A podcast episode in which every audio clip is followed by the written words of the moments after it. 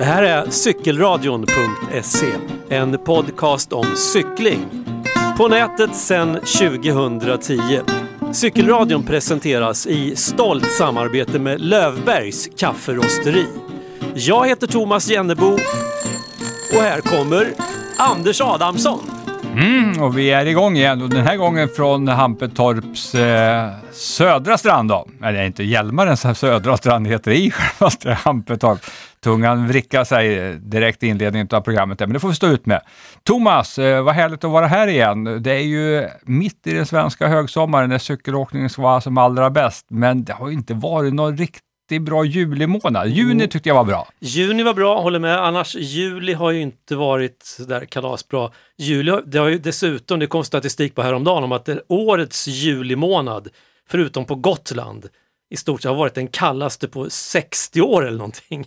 Är det så illa? Ja, så illa är det. Men eh, trots allt vill jag väl säga att det har inte varit någon heldagsregn där jag har befunnit mig i varje fall. Mestadels har jag varit just hemma i Örebro, men hyggligt cykelväder har det varit ändå tycker jag. Så att jag har fått till lite, en hel del cykelturer.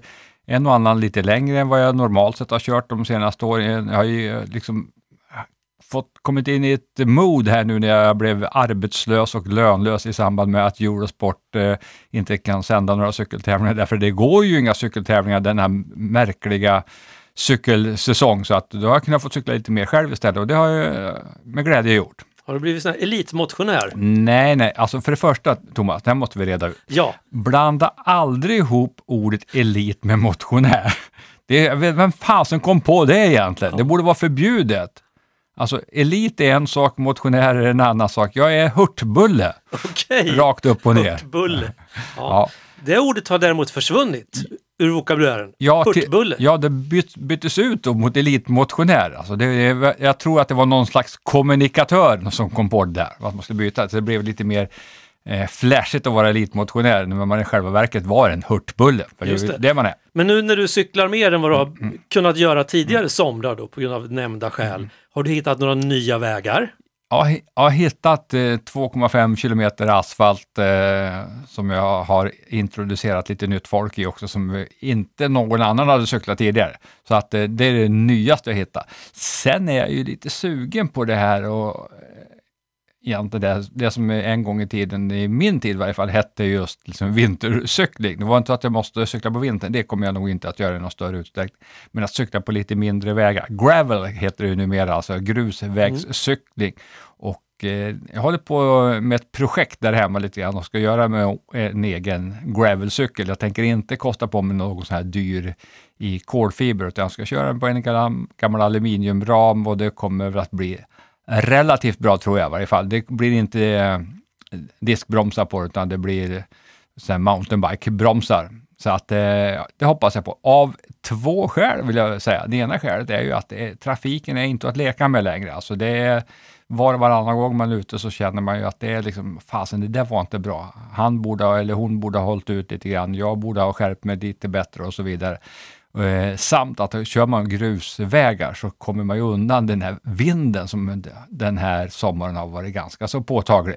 Ja, verkligen. Jag har ju cyklat en hel del grusväg. Mm, och det ska vi lyssna med lite längre fram i programmet. Vad har vi med? Vi har inte så eh, jättemycket färska saker. Nej, det är ju det är semester, vad heter det, semesterstiltje. Ja, precis. Men vi har lite uppdateringar hur det ser ut i den professionella cykelklungan, vad som är på gång där. Mm, det är spännande med tanke på att det är som det är.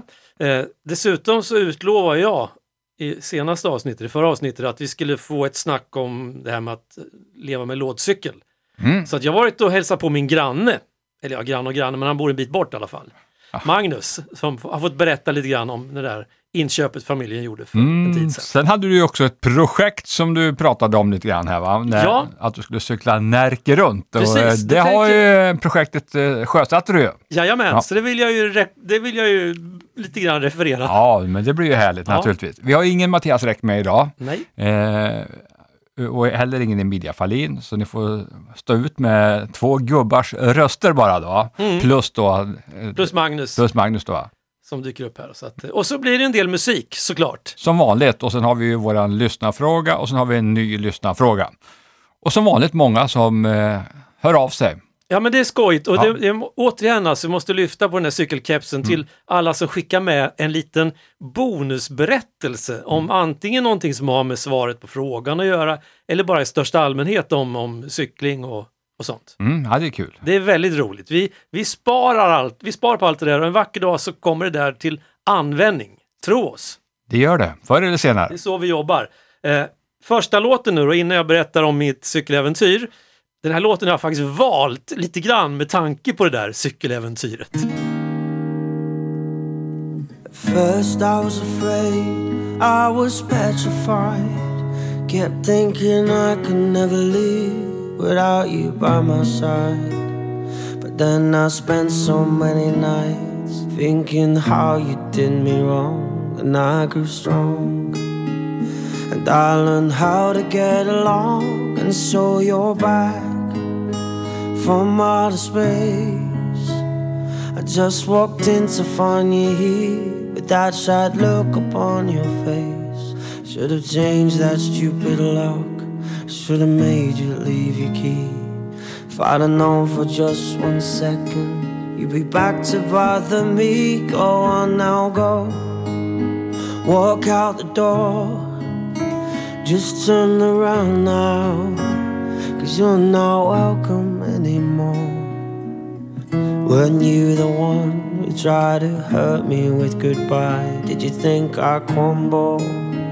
Did you think I'd lay down and die? Oh no, not I. I will survive. Oh, as long as I know how to love, I know I'll stay alive. I've got all my life to live. I got all my love to give, and I'll survive. I will survive. Hey.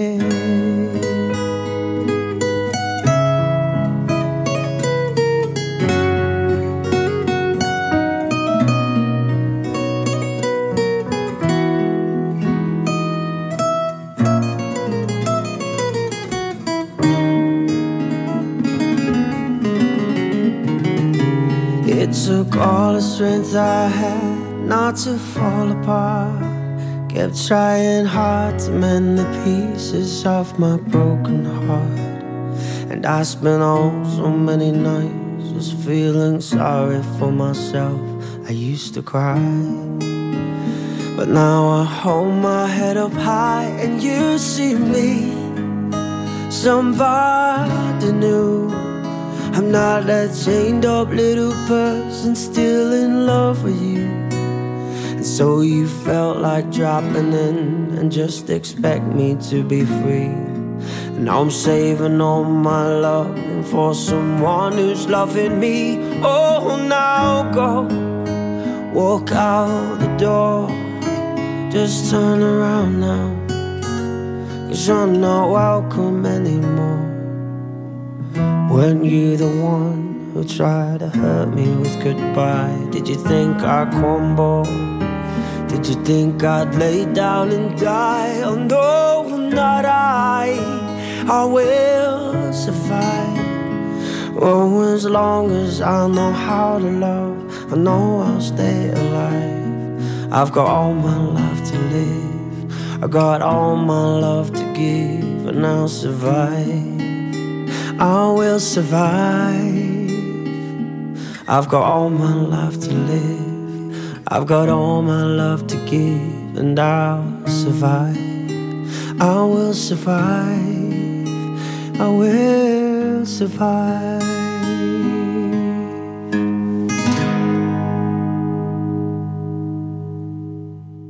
Matt Johnson, I will survive. Ja, nu blev jag lite nyfiken. Jag vet ju faktiskt inte, det är helt ärligt, eh, jag, exakt hur det gick med den här eh, cykeläventyret. Jag följde dig på Instagram lite grann, att du Mm. var igång där. I övrigt så hade jag ingen större koll. Nej, precis. Nej, men så, alltså, projektet som sådant då, det var ju att cykla längs Närkes yttre gräns helt enkelt. Landskapsgränsen. Landskapsgränsen, precis. Och det är lite drygt, lite beroende på hur man lägger upp det, ungefär 30-32 mil någonting då. Ja. Mm, och det var ju en hel del liksom förberedelser att bara hitta vägar då. Ja, jag fick ju börja med att gå tillbaka i hävderna så att min, för det går ju inte att titta på en modern karta där kan du inte se landskapsgränser. Nej, det går inte. Utan jag hittade någon avskrift från 1747 eller något sånt där.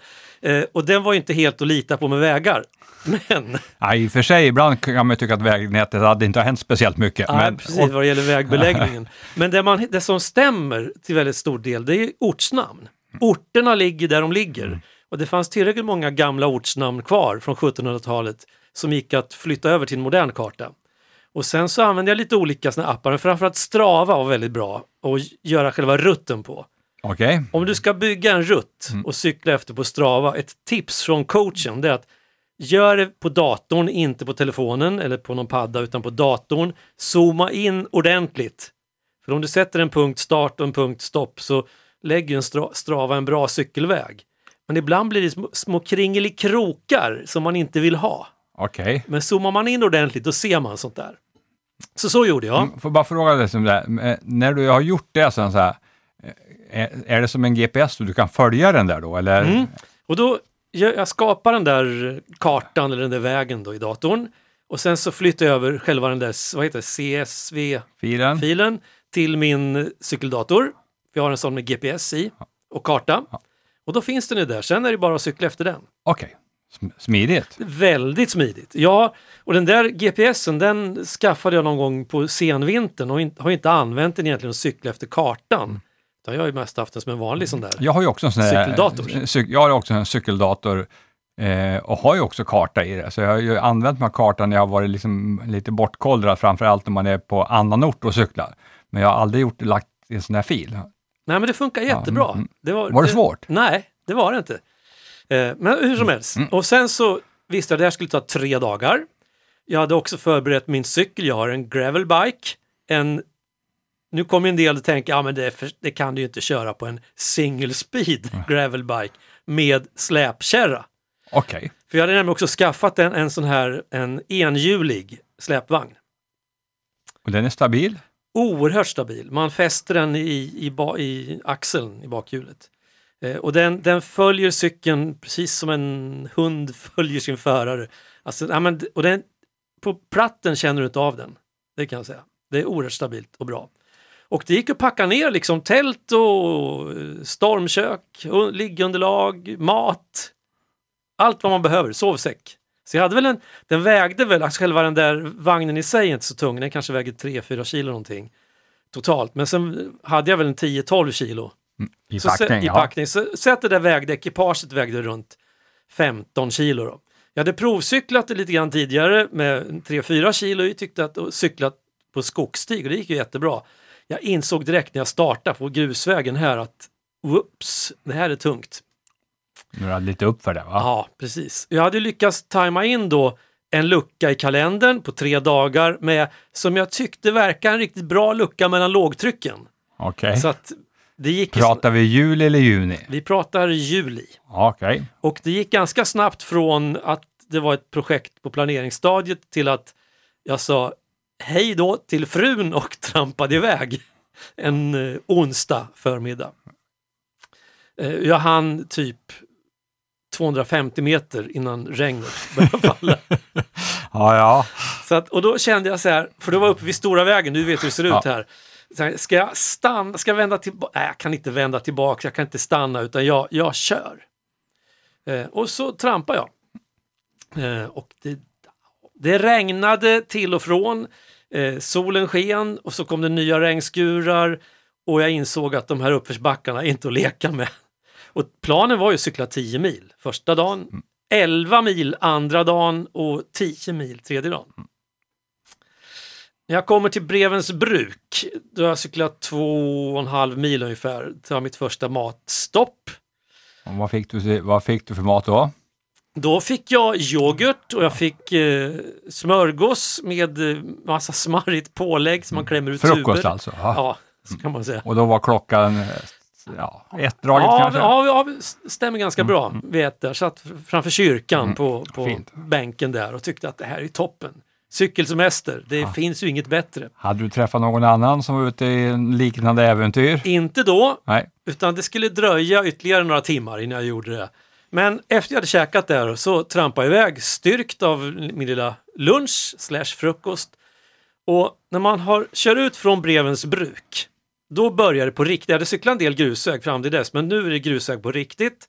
Och en ganska rejäl stigning. Jag skulle mot Bo och Hjortkvarn, den vägen. En riktigt fet eh, backe där. En slakmota om man åker skidor. Okej. Drygt slakmota. Så att jag insåg efter kanske 25 meter att det går inte att cykla upp den här backen. För du får ingen kadens kvar, utan det står bara hä, liksom, du vet. Ja, ja. Så att okej, nej men jag får ju gå upp för backarna. Det räknas det med. Jajamän, så att, ja, men, och, så jag går och så börjar det regna och så kommer jag upp på krönet. Hade du börjat ångra dig då? Att du hade gjort det, Alltså, det här äventyret? det, här, det jag ska säga nu, det är helt sant. Att någonstans ni hade ungefär 50 meter kvar på backen när det började på plana ut lite grann. och Jag skulle precis skulle sätta mig på att cykla. Eh, så började jag känna så här, jag gillar det här. Ja, härligt. Alltså, jag, brukar, jag brukar kalla mig för solskenscyklist.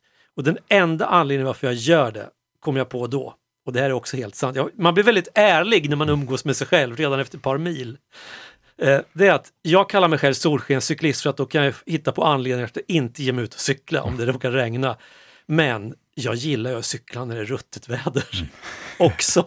Ja, som vi brukar säga, man ångrar aldrig en cykeltur. Nej. Nej. och jag vet min hustru och jag, vi var ju på en cykelsemester för länge, länge sedan.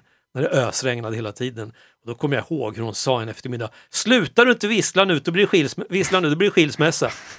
för jag satt ju och trallade och visslade i regnet. Nej, men, Så att jag ångrade inte det där. Eh, och så på, du vet, efter varje uppförsbacke så kommer det nedförsbacke. Efter varje regnskur kommer det solsken. Och där på krönet så sprack det fram, solen sken, vägen var mjuk som en APK-limpa direkt från bageriet. Och jag kom väl upp i så här 42 kilometer i timmen nerför backen där på min single speed med släpkärra. Och eh, brillorna var fulla med regnvatten och det stänkte men äh, det var ju härligt. Ja. Och så där höll jag ju på. Eh, Backe upp och backe ner, mer regn, mindre regn, promenera, stanna, käka lite godis, eh, cykla. Sen någonstans fram på tidiga kvällen inser jag att jag kommer inte att komma mina 10 mil, det går inte. Var skulle du någonstans? Här fanns det någon... Jag skulle till Röfors. Till Röfors? Mm. Ja. Vägen mellan eh, Askersund och Laxå, en väldigt krokig fin väg och där ligger de här laxsjöarna. Fantastiskt vackert. Härlig väg och fina ställen. Där skulle jag campa. Det var, det, det var planen. Det var planen. Och det skulle vara ungefär 10 mil där. Ja, precis. Eh, Efter typ sådär fem mil börjar jag på känna att det här kommer inte att funka, alltså halvvägs. Så då började jag leta lite efter ställen, men så jag vek av från min färdplan några gånger sådär. Stack in i skogen, nej men det var ju sunkigt och det var träligt. Jag ville ju bo i en sjö, såklart. Kommer till slut fram till Mariedamm, då har jag sett där finns en badplats. Solen lyser, en grön gräsmatta ner mot sjön och camping förbjuden. Men jag tänker så här, en ensam cyklist med ett jättelitet tält i ena hörnet på den där fina gräsmattan en kväll i juli när ingen annan människa är ute. Det räknas väl inte som camping? Nej, det tycker jag inte va? Nej. Och där slog du läger då? Där slog jag läger. Efter hur många tillryggalagda kilometer? Jag tror det var 74 kilometer. Ja, det var ett kraftigt dagsverke ändå där. Ja, det tycker jag. Hade du fortfarande inte mött någon eh, ute i samma ärende? Alltså det, cykelsemester? Nej, det hade jag inte. Nej. Faktiskt inte någon cykelsemestrare den första dagen. Eh, nej, men så då blev det kvällsmat och vet, kaffe, mat. Vad åt jag? Jo, jag käkade jag minns. det, det är ett mörker. Nej, men, eh, makrill i tomatsås blandat med, vad fasen var det? Ah. Något annat i tomatsås och lite pasta. Ja. En, en rejält, En eh, rejäl Precis, påfyllning utav kolhydrater för att ladda för kommande dag. Och sen tid, tidig sömn såklart Ja, efter det, jag, välförrättat värv. ja, ja, man, man sover alltid bra i tält. Man sover alltid bra i tält om man har cyklat sju mil med släpkärra på en oväxlad cykel. Okej.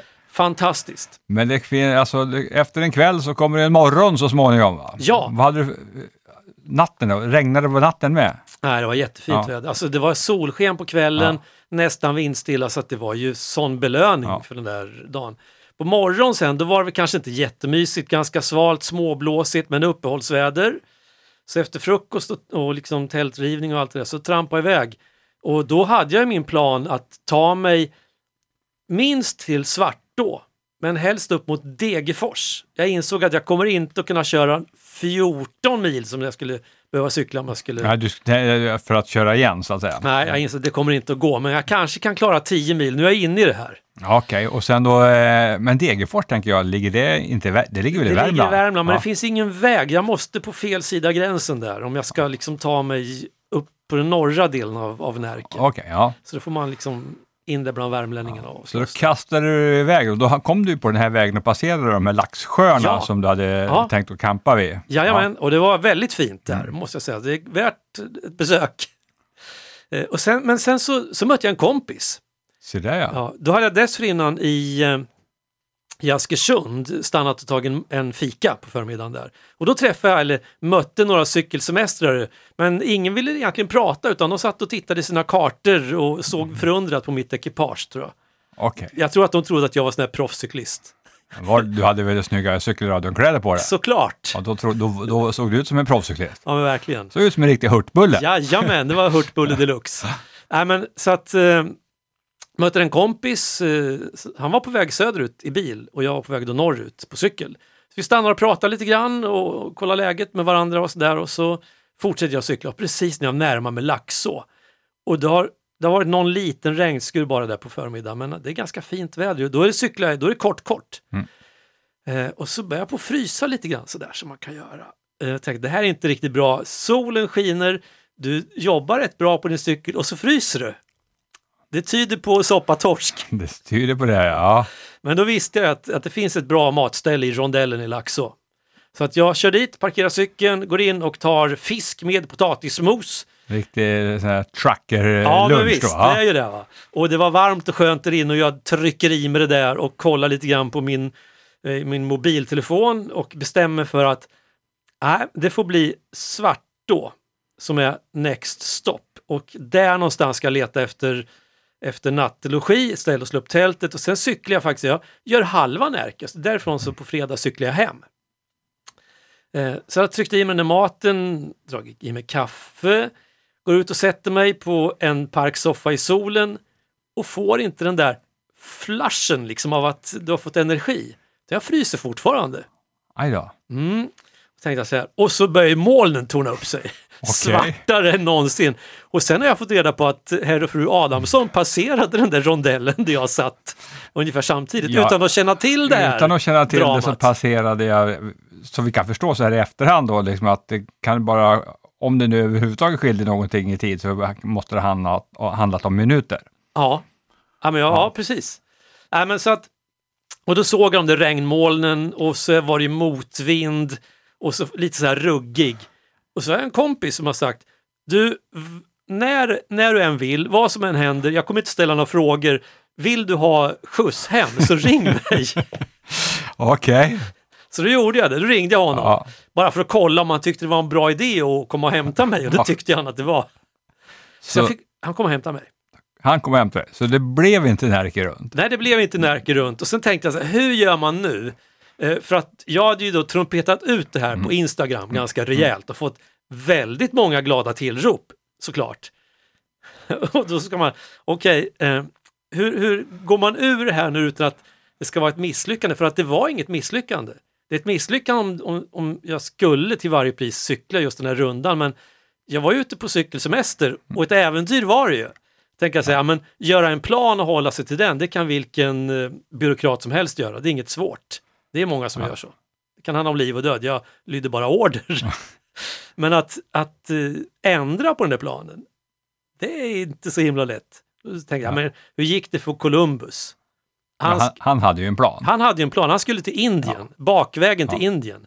Han kom till Bahamas. Och det var inte så dumt. Det var inte så dumt. Och jag kom till Laxå, vilket inte heller var så dumt. Helt enkelt.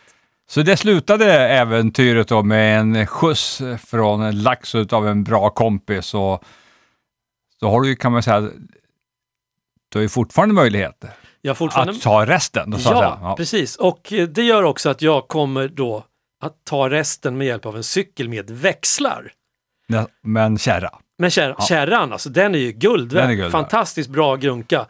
Eh, och eh, eftersom du berättade att du har ett sånt här cykelbyggarprojekt på gång Mm. så att Jag har det också. Jag har en gammal aluminium racerram. Det fattas lite små grejer men Är det en gammal lokram? Nej? nej, det är ju karbon. Det är karbon, det har det här är en Nishiki Ja, ja. eh, som jag hade före, looken. Mm. Så den har jag hängt ner från kroken i taket eh, och borstat bort spindelväven från. Så den ska få komma till heder som sån här långturs gravelbike. Härligt. Spännande.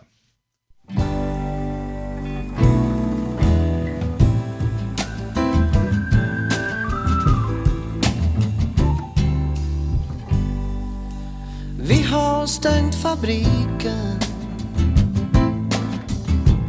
Åkt så långt som det kan gå Långt ifrån trafiken.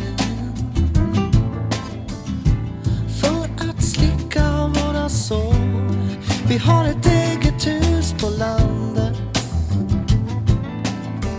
Dit ingen telefon kan nå. Ett glas som klirrar grått. Och radion står på.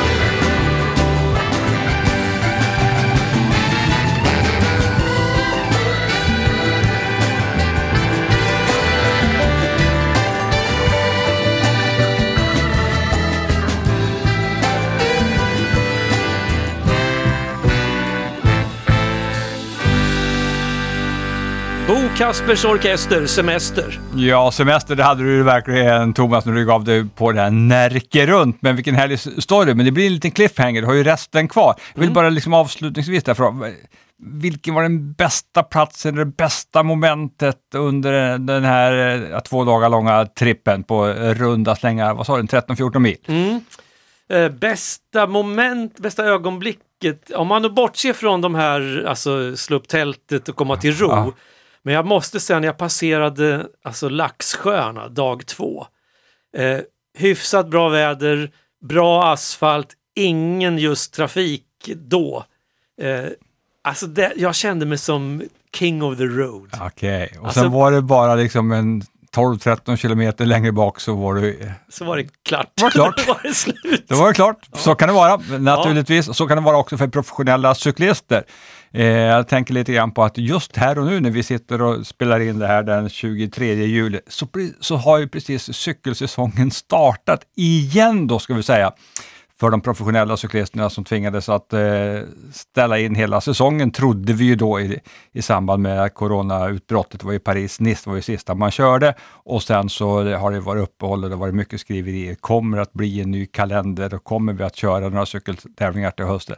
Och just nu i varje fall, säga, så har man ju då i, i det internationella cykelförbundet gjort en ny tävlingskalender som sträcker sig egentligen kan vi säga, från och med idag, då, den 23 juli, fram till och med tror jag, 8-9 november. Och då ska man trycka in Giro d'Italia, Vuelta i Spanien, Tour de France, alla de här mon monumenten med Milano Sanremo, Lombardiet runt och så vidare. Allt det ska hinnas att köra. En, så är planen.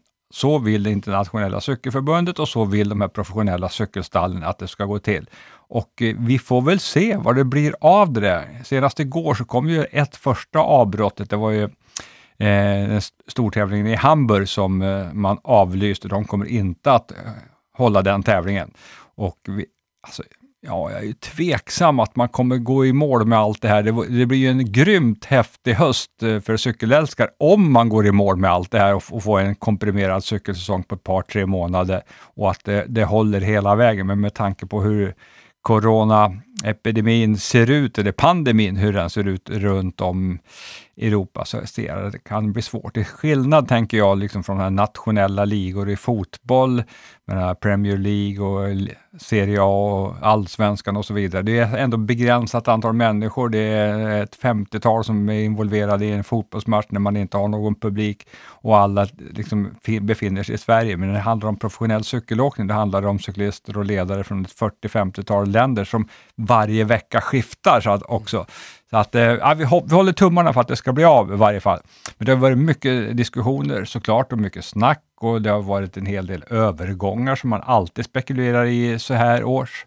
Och den stora sensationen är väl egentligen att Chris Froome efter en tioårig Team Sky och eh, Team Ineos regi kommer att lämna till nästa år och köra för Israel Startup Nation som går ut som tusan och värvar och nu har man alltså värvat Chris Froome som från och med nästa år ska stå och köra för det israeliska teamet. Och det har ju då satt igång, kommer han i år, om det nu, nu blir Tour de France, kommer Chris Froome att köra? För han säger ju att han är tillbaka efter den vådliga vurpan i fjol.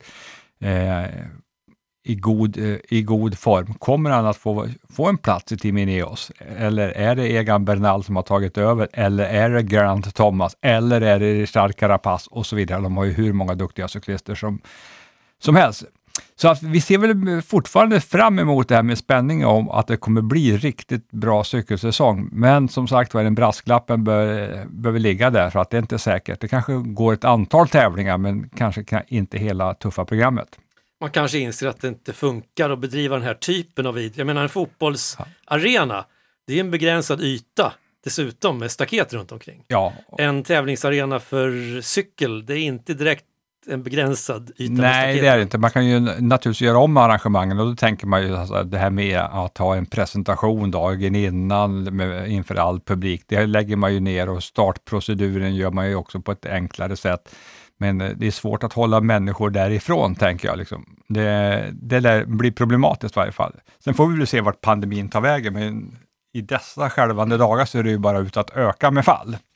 Ja, vi, får, vi får se vad som händer helt enkelt. Mm. Vi kan säga också att den svenska mästerskapen kommer ju gå nu till helgen 25-26 juli när det handlar om tempoåkning, så den kommer ju att köras. Eh, så att Tobias Ludvigsson, Emilia Fahlin och Lisa Nordén och de som får chansen nu att göra upp om svenska mästartiteln i tempolopp. Däremot linjeloppen som skulle ha gått i, jag tror det var i Sälen, va?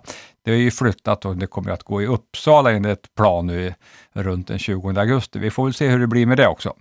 Mm. Vill man veta, eller förresten höra lite grann hur Emilia Fahlin tycker och tänker så kan man ju med fördel lyssna till orebropratarna.se. Mm. Det var ju hon en av årets pratare. Så. Precis, Örebropratarna kan ni googla på om mm. ni inte hittar in. Men orebropratarna.se finns mycket häftigt att lyssna på det, men det handlar om cykel så är det just Emilia Fallin som var att lyssna på. Mm. Får man en, en färsk uppdatering om ja, men hur det är att vara cyklist i den yppersta eliten med också det som hon har varit med om det senaste året. här. Mm, och det spelades ju in bara för någon vecka sedan, Ja. så det är pinfärskt. Yes. Verkligen.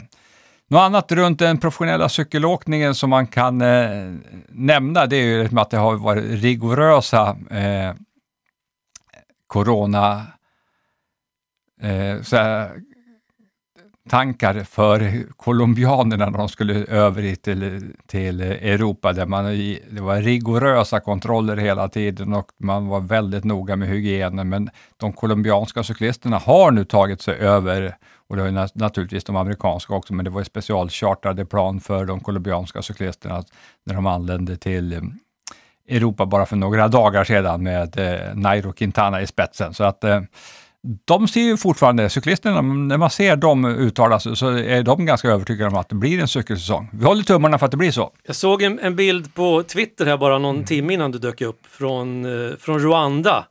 Där håller ju alltså de rwandiska mm, storstjärnorna håller på och laddar för fullt inför VM stod det där. De har dragit igång verkliga uppladdningen. Då var det en bild när de, en av de här cyklisterna står med en sån där termometer och trycker in mot örat för att kolla att, att de är friska innan de drar igång träningspassen. Ja, det är noggrannhet här och Ja.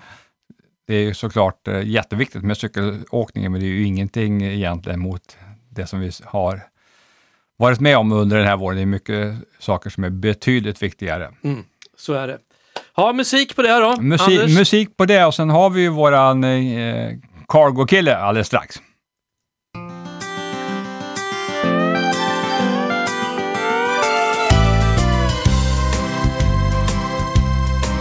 Un tour de France, même à vélo, je n'ai jamais trouvé rien d'aussi beau. Un tour de France pour le bonheur, c'est pas la peine de se prendre pour un coureur. Des paysages qui sautent aux yeux, on a tout ce qu'il faut pour être heureux. Un tour de France qui nous séduit, on en prend plein les yeux pour toute la vie. La Bretagne est à nous, elle nous fait les yeux doux, les Normands accueillants, de Cherbourg jusqu'à Rouen.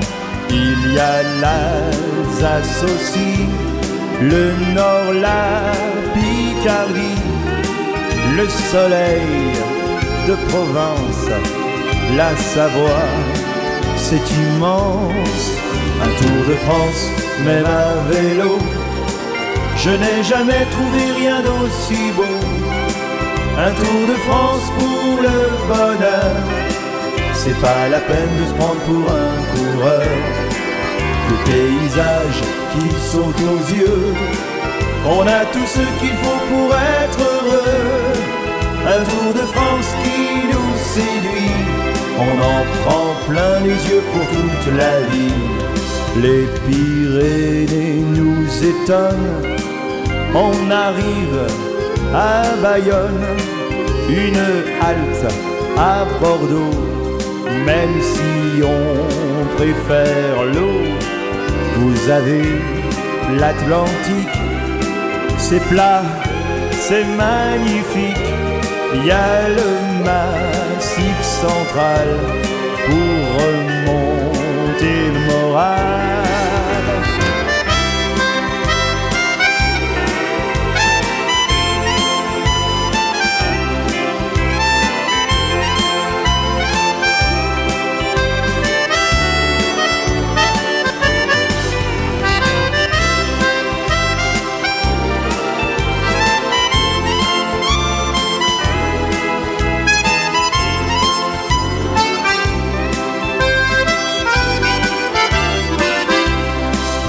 tour de France, même à vélo, je n'ai jamais trouvé rien d'aussi beau.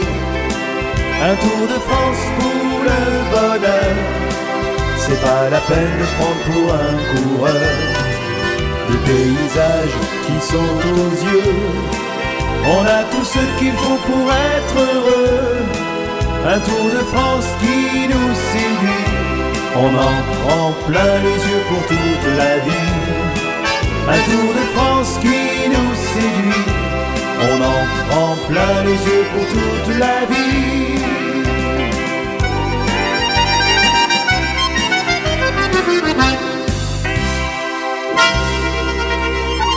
Musettdragspel behöver man ha.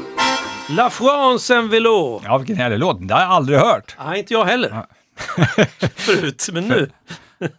Eh, Precis. Det jag heller inte har hört det är faktiskt någon som har pratat om de här cargocyklarna. Jag ser ju att det är fler och fler som använder det. Och vi ser ju de här, den här danska varianten som jag säger, man måste så, har sett i Köpenhamn i 15-20 års tid. När man, eh, mammor och pappor har barnen fullproppade i det. Jag har sett också dagis runt omkring här som åker runt och har en 6-8 eh, barn med sig på eh, olika typer av kärror som Eh, ser jättehäftigt ut. Då har man ju såklart också hjälp av el. Men sen börjar man också liksom använda det som cargocyklar, liksom, eh, dels eh, familjärt men också i professionellt syfte, att flytta saker helt enkelt på ett eh, miljövänligt sätt. Oh ja. Eh, nej, sagt, jag får iväg här tidigare idag till andra sidan vägen. Och ja, men han får presentera sig själv helt enkelt. Hej, Magnus Gislason heter jag, bor i Hampetorp, 32 år gammal. Jobbar som befälhavare på färjerederiet. Och när du inte är ute på sjön och eh, skjutsar bilar och cyklar och människor fram och tillbaks mellan diverse öar och fastlandet. Då åker du omkring på en sån här cargo bike. Ja, det stämmer bra. Jag har ju cyklat mountainbike i ett par år men nu har vi ju tre barn också som vill med och cykla och fru och då tänkte vi det kunde vara smidigt att få plats med alla. Eh, och dessutom få lite hjälp med batteri när det går som tyngst.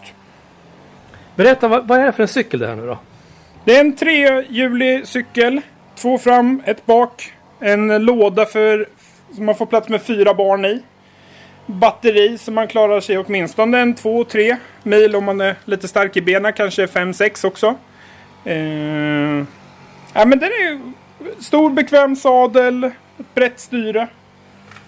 Mm, som vi har kittat extra med en, en barnstol för våran sistfödde då, som inte är ett år ens. Så du får he ner hela ung, ungskocken i den här? Hela ungskocken får plats och något bon bonusbarn också om man skulle hitta något sånt längs med vägen. Men du, hur gick tankarna i familjen när ni bestämde er för att köpa en sån här cykel? Eh, vi kom fram till att vi behöver komma ut mera och ännu smidigare. Och cykel är ju fantastiskt. Man tar sig ju flera mil på en ganska kort stund om man, om man vill ut och se någonting och hälsa på mor och morföräldrar och farmor sådär. Hur är det att cykla med en sån här trehjuling med lådade fram? Ja men det är bekvämt. Eh, lite läskigt i kurvorna i början kanske. Det, det känns som att det ska tippa över men det gör det inte. Och sen får man ju hjälp upp till 25 km i timmen. Så ja som sagt man lägger ju ganska långa sträckor ganska fort ändå om man vill. Har du råkat ut för soppatorsk någon gång? Ja, ett par gånger. I uppförsbacken hem såklart. Jag bor högst upp i Hampetorp så det är alltid där det ger upp.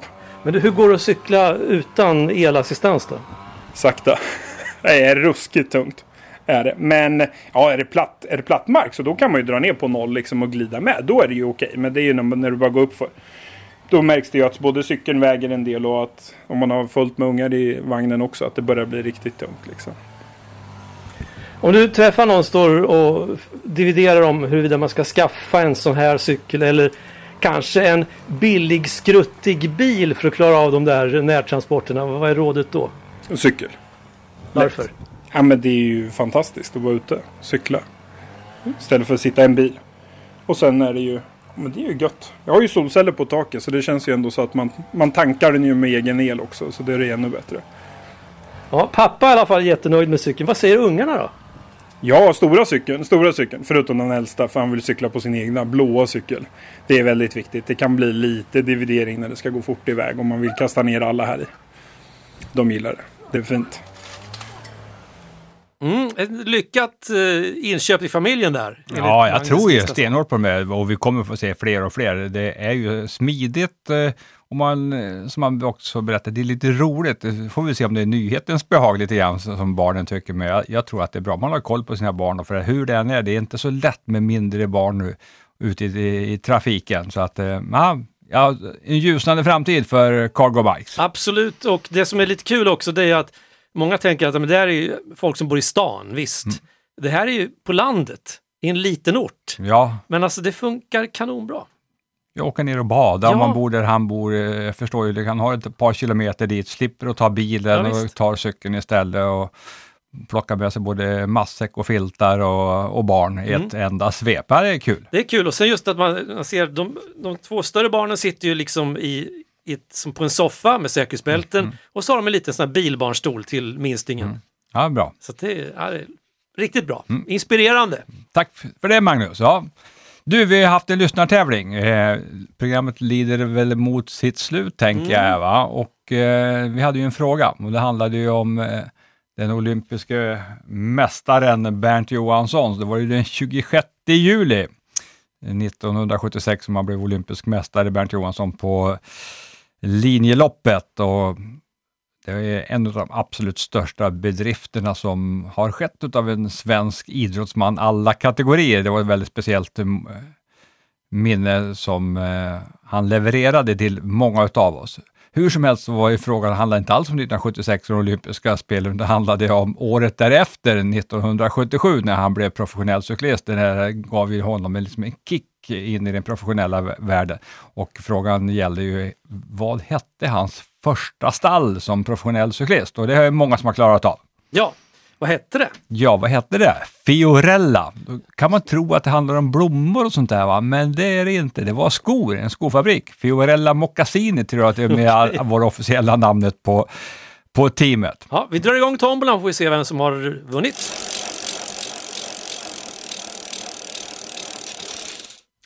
Johan Linneby i Karlskrona. Grattis till Johan! Vi Stort drar, grattis! drar en tröja till dig inom kort. Det är ju lite semestertid, så vi får hålla i någon ve- vecka kanske innan vi hinner besöka posten och få på den här eh, tröjan. Men den kommer. Den kommer, var så säkra. Fiorella hette ju laget som sagt var. Första året Fiorella Moccasini och andra året tror jag att det hette Fiorella Citroën. Då fick de med Citroën som en sponsor också. Och sen Bernt kom att avsluta sin eh, cykelkarriär i Magniflex. Okej. En madrassfabrikör. Så han gick från skor till madrass. Skor Ja. till madrass. Ja, ja. Ja, det har ju varit många spännande sponsorer i, i cykelsammanhang genom åren. Nu är, nu är de ganska gigantiska de som är, för det är så mycket pengar inblandat nu. För när Bernt blev proffs 1977, då var det väldigt lite pengar. Det var ju mest att man hade en licens och sen att man hade mat och husrum och lite fickpengar. Det var ju på den nivån, trots då att han var olympisk mästare. Och jag, jag vet att vi har nämnt tidigare lite grann det där med pengar och- i cykel, så att det har blivit okej löner är ju lite grann Lance Armstrong och Jan Ullrichs förtjänst. När, när amerikaner och tyskar blev, började bli bra på cykel så blev det också helt andra ekonomiska förutsättningar. Så idag är det många cyklister som tjänar okej pengar. Definitivt. Och eh, det får mig att komma in på nästa lyssnarfråga. lite grann. Vi har ju tangerat det lite grann tidigare. Vi har pratat om den här säsongen som är på gång här nu eh, under augusti, september, oktober och en bit in i november. Och i det har man också då såklart sprängt in eh, de, de de världsmästerskapen. Världsmästerskapen är, som arrangeras utav UCI, då, det internationella cykelförbundet, det är ju deras flaggskepp. Sen är ju de här andra tävlingarna är ju inte liksom internationella cykelförbundet som arrangerat och det är ju olika företag som arrangerar dem. Men just då det handlar om eh, världsmästerskapen som kommer att hållas i Schweiz eh, och de har inte ruckat på sina datum, så de datumen ligger fast.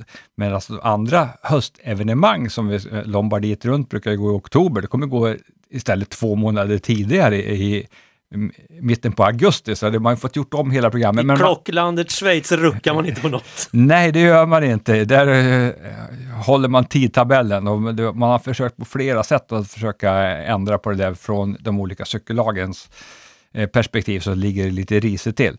Men frågan för, eh, det, vi- vilket avsnitt är det? Det har vi glömt att sagt förresten. det här Men måste vara 86. 86 programmet då med, eh, alla gånger har vi inte haft lyssnarfråga, men typ 80 i varje fall har vi haft eh, lyssnarfrågor. Och frågan är liksom, vem är det på den manliga sidan som är regerande världsmästare? Vem är regerande världsmästare i cykel, alltså 2019 års världsmästare? Namnet på honom vill vi ha. Det är alltså den manlige regerande världsmästaren som ska förhoppningsvis då försöka försvara sin titel i Schweiz Det är väl en av de mest svårförsvarade titlarna som finns i sportvärlden. Ja, det är det. Det är inte många cyklister som har vunnit back-to-back, som man säger nu, det vill säga år när man försvarar det. Mycket, mycket svårt eh, att göra det. Peter Sagan lyckades ju försvara det dessutom två gånger, så tre gånger i rad blev han världsmästare. Men så fick han ju ge sig till 2018 och 2019 som var han femte man, Mm. men blev inte världsmästare. Och tror man sig ha en aning om vem som är just nu då regerande världsmästare i landsvägscykling, då skickar man det, namnet på den personen till redaktionen snabel cykelradion.se. Så är med i utlottningen av en cykelradiotröja som är sponsrad av Kalas och eh, ganska snygg tycker vi själva. Jag har fått mycket bra respons på den här. Ja, verkligen. Ja, Den, Det är en och annan som tycker att det luktar för mycket Färjestad på Löber. Men det luktar ju gott det där luk- kaffet. Ja, det gör ju det och det smakar gott Ja, dessutom. dessutom, så, ja. att, så vi är väldigt glada över det också. Det är vi. Verkligen. Hade vi något mer idag eller ska vi Nej, tacka vi, kan, vi, för kan, oss? vi kan runda av med Bernt Johansson i 30 sekunder. Eh, som eh, för några år sedan, vi har ju ett projekt som heter Cykelpratarna som just är lite paus på, ombyggnation pågår på sidan och sånt där. Eh, men eh, Bernt Johansson, han berättade i sitt program bland annat om den där fantastiska olympiska guldmedaljen, hur den, vad som låg bakom. Väldigt, Ja, eh, fantastiskt program. Ja, men i alla fall, sen har han en vision om det här om man kommer till doktorn och är lite krasslig, hur han önskar att det skulle gå till. Jag ser framför mig ett läkarbesök där Pelle sitter framför doktorn. Ja, Jag känner mig så trött och blek och tung i kroppen. Jag blir andfådd av minsta lilla ansträngning. Det måste väl finnas någon medicin mot det. Doktorn som har undersökt Pelle säger att det inte är något fel på honom. Inte än i alla fall. Men fortsätter du i samma hjulspår ett par år till så har du nog kvalificerat dig för ett antal olika mediciner. Pelle sjunker ner i besöksstolen och doktorn tittar lite strängt på honom och skriver i receptblocket. Varsågod. Här är ett recept på en start i Vätternrundan. Ett mycket bra recept även om det är jobbigare att svälja än några tabletter. Precis. Cykel är bra mot allt vill jag påstå. Ja? Ja, jag håller med. Ja, jag hade lite så här bekymmer häromdagen, såna här grubblerier som man kan få när man lever 2020. Nej, jag tar ut och åker en cykelrunda på en och en halv timme. Vips, så kändes det mycket bättre. Ja, nej, men det är så det funkar. Så funkar vi alla. Ja. Och med det så stänger vi butiken för den här gången. Det gör vi. Avsnitt 86 Mm. lägger vi till handlingarna. Precis, det blir inget mer i juli, men det kommer i augusti igen. Jajamensan, ha det oförskämt bra!